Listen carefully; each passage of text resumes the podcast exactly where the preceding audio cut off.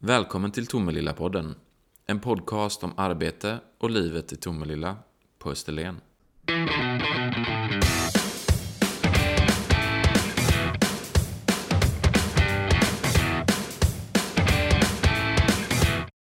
Välkommen till Tomelilla-podden, Britt-Marie. Tack så mycket. Det här eh, är något helt nytt för Tomelilla. En podcast om livet i Tomelilla på Österlen. Ja, Och arbete och människorna som lever här. ja det är tanken. Eh, och, och för mig syftar det till att använda mig och oss av, av medier och former som andra använder sig av i samhället eh, för att och, och ge en bild av, av Tomelilla på Österlen som inte bara är det klassiskt kommunalgrå eller skrivna ordet, lite så. Om vi börjar med bilden utav dig då. Du är ju kommunchef, ganska nytillträdd. Du tillträdde i våras och alltså jag tänker som invånare så träffar man ju regelbundet vissa utav kommunens medarbetare som bibliotekspersonal, man träffar lärare, man träffar undersköterskor i hemtjänsten. Men en kommunchef träffar man inte på så ofta. Nej. Vad gör du och vad har du för uppdrag? Dels så är mitt jobb att, att, att vara och jobba som ledare då för, för eh, summan av alla, alla sektorer som finns i en kommun och de chefer som leder det. Eh, och med det sagt så betyder det att det handlar ganska mycket om samordning, knyta ihop, få en helhet.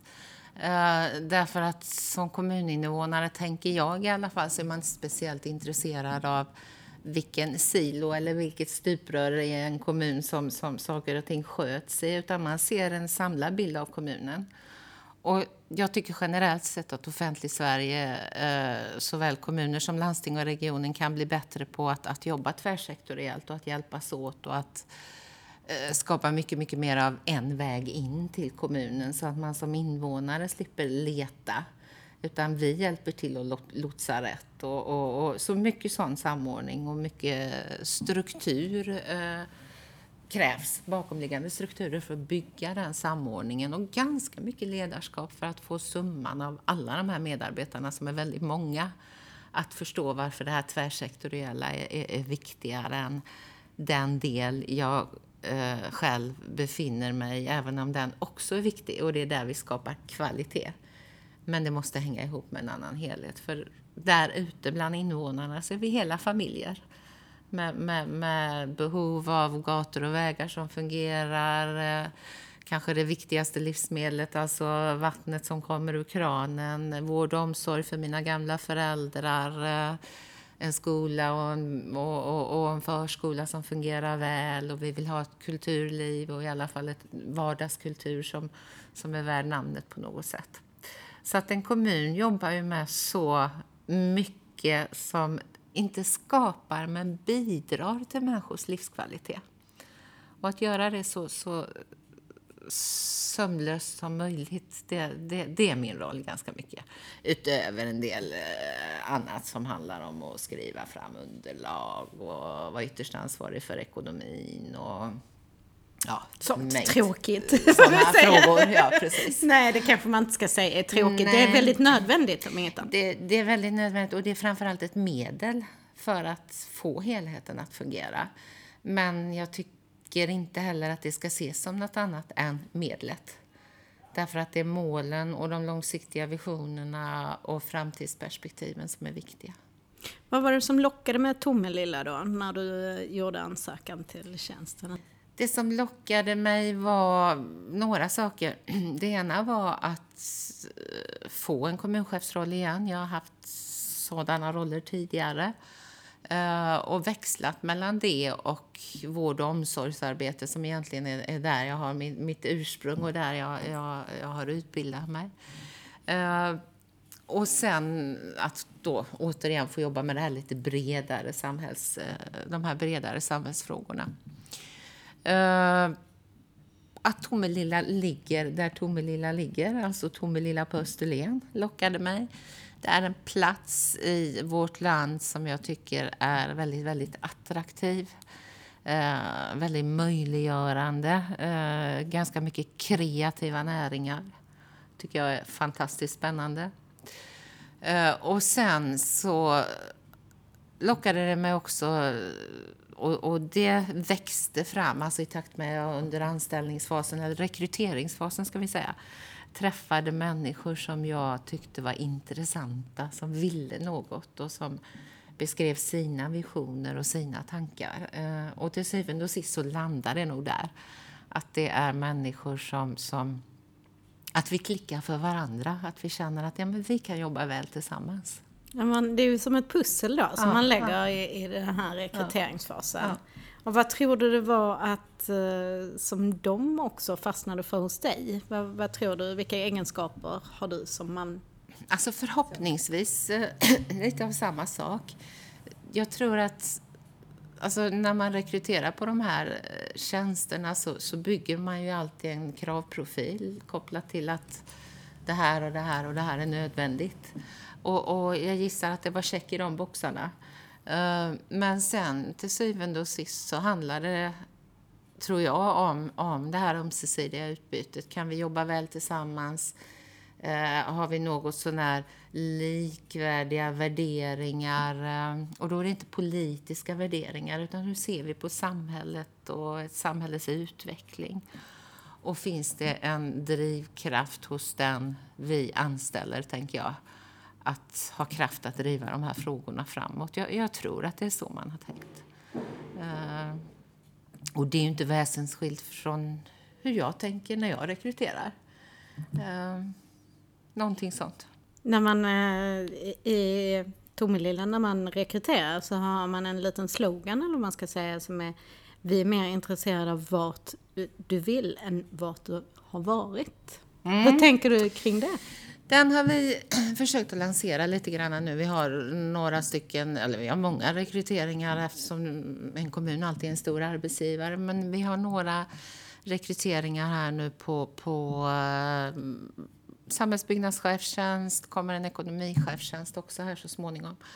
Och det som jag tycker vi ofta gör, och nu generaliserar jag ganska mycket, när vi rekryterar i offentlig sektor, det är att vi lutar oss väldigt mycket på CVn. Eh, och tittar bakåt och tittar vad människor har åstadkommit. Och det gör vi ju därför att vi vill anställa duktig och kvalificerad personal. Men vi glömmer väldigt ofta att ställa frågan, vart vill du?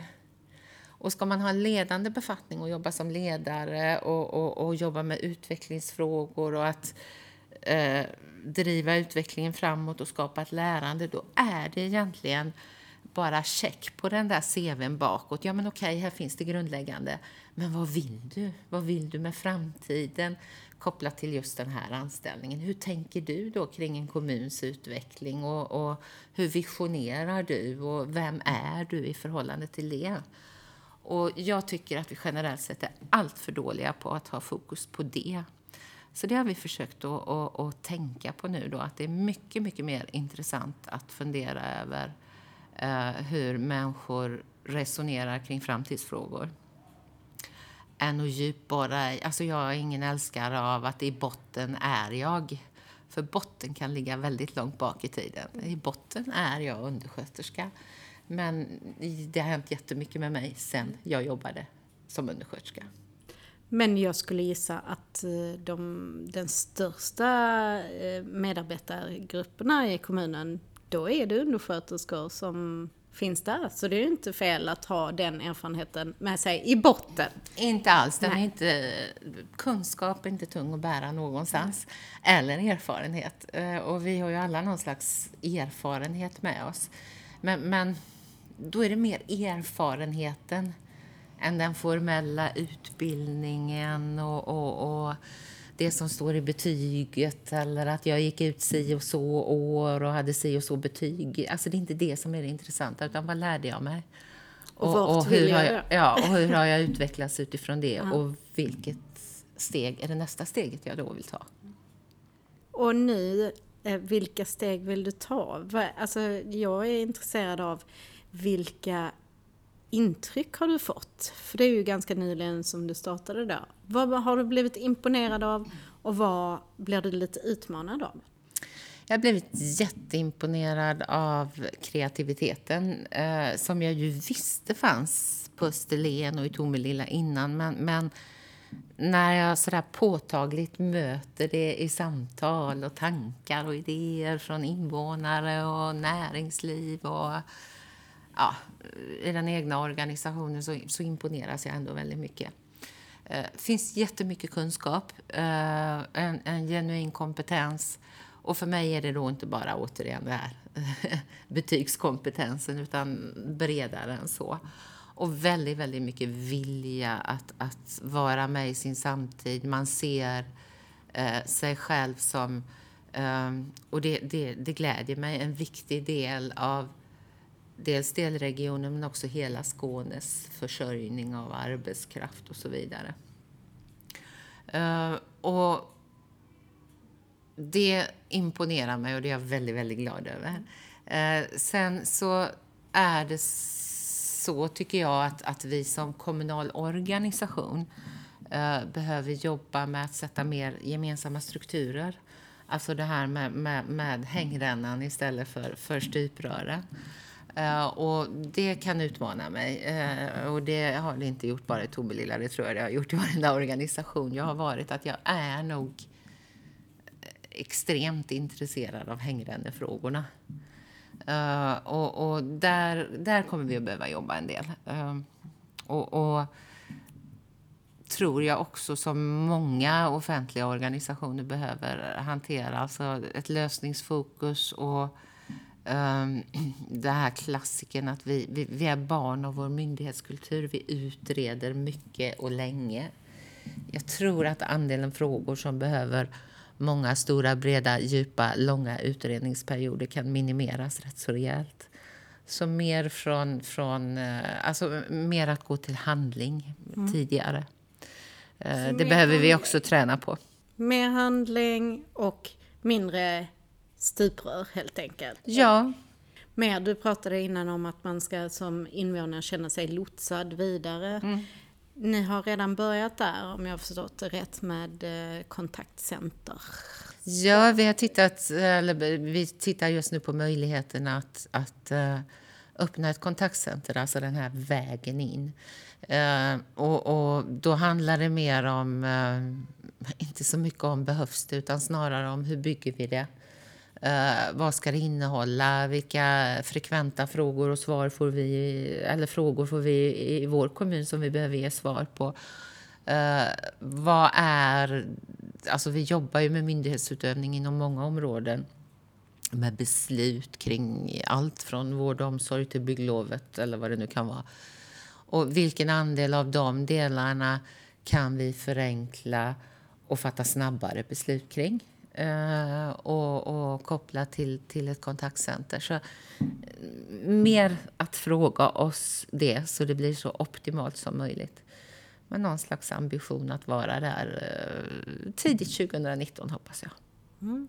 Då bjuder vi in gäster som kan berätta mer om eh, hur detta kan underlätta för medborgarna då framöver. Tycker jag, absolut. Sen har du andra gäster på gång Ja, idén med den här podden är ju inte bara att jag ska sitta här och, och, och, och tillsammans med dig prata om, om kommunchefsperspektivet utan kunna ha med personer som är, är, brinner för och har en passion för, för det vi gör och en passion för Tomelilla.